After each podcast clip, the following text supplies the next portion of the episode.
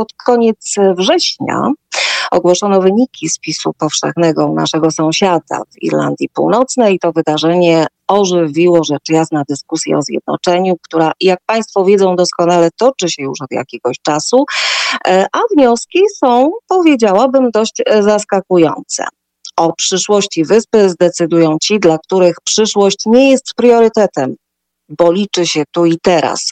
Innymi słowy, decyzję o tym, czy Irlandia Północna pozostanie w Zjednoczonym Królestwie, czy będzie częścią Zjednoczonej Irlandii, podejmą osoby emocjonalnie niezaangażowane w spory o charakterze kulturowo-religijnym. Ponad jedna trzecia mieszkańców tej części wyspy nie zadeklarowała tożsamości narodowej jako wyłącznie irlandzkiej lub wyłącznie brytyjskiej. Osoby te identyfikują się, uwaga, jako północno-irla, północni Irlandczycy lub co zaskakujące, północni Irlandczycy z kombinacją dwóch pozostałych opcji. Tożsamość północnoirlandzka nie ma rzeczywistego statusu prawnego. Irlandia Północna jest podmiotem uznawanym zarówno w prawie brytyjskim, jak i przez wszystkie strony porozumienia z Belfastu. Ale co ciekawe, drodzy Państwo, w porozumieniu mowa jest o ludziach z Irlandii Północnej, a nie o narodzie północnoirlandzkim. Umowa gwarantuje mieszkańcom północy prawo do bycia Irlandczykiem, Brytyjczykiem lub jednym i drugim. Pierwsze dwie opcje mimo wszystko miały silną reprezentację podczas spisu powszechnego. Aż 61% wybrało jedną z dwóch możliwości. Tylko pół z jednego procenta mieszkańców zadeklarowało, że są Brytyjczykami i Irlandczykami równocześnie. To zaledwie 11 800 osób, mniej więcej tyle, ile liczy społeczność republikańskiego uroczego Castelbarn. Powiększa się grono osób, które utrzymują, że ich tożsamość jest wyłącznie północnoirlandzka. To niezwykle interesujące zjawisko z socjologicznego punktu widzenia i może świadczyć o zachodzących zmianach ustrojowych. Historycznie rzecz biorąc, przez bardzo długi czas e, normalnym było dla wielu ludzi, zwłaszcza, ale nie tylko protestantów, mówienie, że są zarówno Irlandczykami, jak i Brytyjczykami. W 1998 roku, kiedy podpisano porozumienie wielkopiątkowe, wierzono, że ta grupa z roku na rok będzie rosła w siłę. Zamiast tego jest dokładnie odwrotnie. Grupa o podwójnej tożsamości znacząco się zmniejszyła. Dzięki ludziom niebinarnym powstały te wszystkie karkołomne kombinacje, czyli brytyjska i północnoirlandzka, irlandzka i północnoirlandzka, brytyjsko-irlandzko-północnoirlandzka, licząca około 28 tysięcy obywateli i wreszcie tylko wspomniana północnoirlandzka. Architektura porozumienia, jak już mówiłam, opiera się na dwóch tradycjach i wzajemnym szacunku między nimi. Mimo to część populacji deklaruje tożsamość nieuznawaną ani politycznie, ani tym bardziej prawnie. I to właśnie ci ludzie utrzymują równowagę sił, czują przywiązanie do Irlandii Północnej nie jako ustroju, ale jako miejsca. I to oni zadecydują w przyszłości o wyniku referendum zjednoczeniowego. Z pewnością, drodzy Państwo, ma to głębokie implikacje dla tego, co w ogóle oznacza Zjednoczona Irlandia.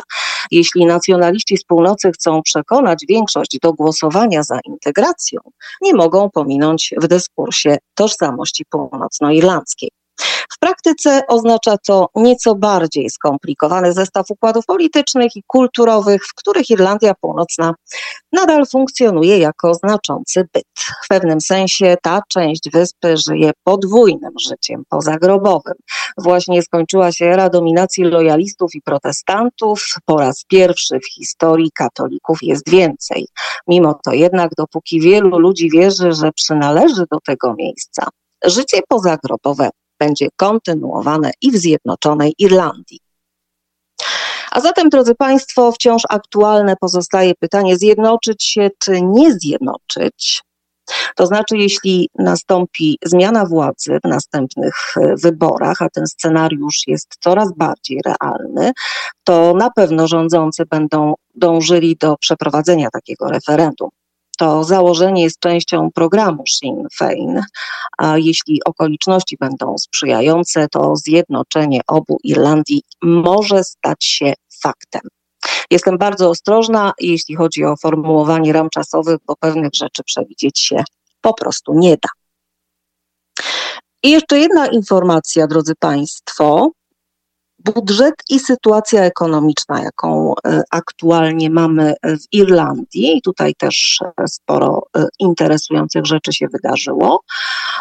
Ogłoszono przede wszystkim nowy budżet. Jedną z korzyści tegorocznego budżetu, uwaga, w wysokości 11 miliardów euro może być to, że zadziała on jak antidotum i tej zimy pozwoli utrzymać politykę z dala od ulic. I jeśli faktycznie tak się stanie, to będzie oznaczało, że budżet zrealizował swój główny cel. Jeśli jednak wierzyć sondażom, to Irlandia jest teraz krajem, w którym ludzi nie można kupić za ich własne pieniądze. To oczywiście, drodzy Państwo, przerażająca perspektywa dla polityki i tych, którzy obecnie nami rządzą, Poza tym, obiektywnie rzecz biorąc, wspomniane 11 miliardów euro po stronie wydatków w budżecie to stanowczo za mało tapety, aby zakryć wszystkie pęknięcia. Jeśli chodzi o budżet, to jest tu kilka e, nowości, ale bardzo istotnych. Przede wszystkim nastąpi podwyżka świadczeń socjalnych o 12 euro tygodniowo. Ma też pojawić się podwójna wypłata świadczeń w październiku, premia świąteczna, również podwójna wypłata zasiłku na dziecko i e, to już w listopadzie i także wiele innych e, dodatków. Poza tym każde gospodarstwo domowe otrzyma dopłatę do energii w wysokości 600 euro. Mm, to duża ulga dla portfela. Przewidziano również ulgi za transport publiczny, wsparcie dla studentów.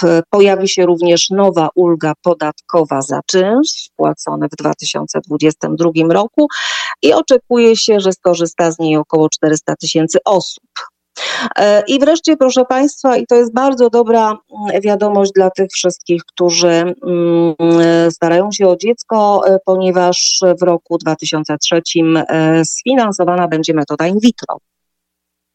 Zostaną również zniesione opłaty za hospitalizację, a koszty opieki nad e, dzieckiem w ogóle mają zmniejszyć się średnio o 1200 euro rocznie. To z pewnością e, również e, będzie duża ulga dla portfela. E, także mniej więcej tak się to e, przedstawia, jeśli chodzi o e, Irlandię i o te wszystkie bieżące informacje. Ja dodam jeszcze tylko, że ten 11 miliardów to jest bodaj największy pakiet wsparcia dla ludzi od czasu pandemii. Zdania co do wydatków publicznych są oczywiście podzielone, nie brak jednak głosów, że choć pakiet jest ogromny, to nie ma w nim wydatków nieodpowiedzialnych. Nadwyżki w budżecie są i też są prognozowane na najbliższe lata i to jest bardzo dobra wiadomość.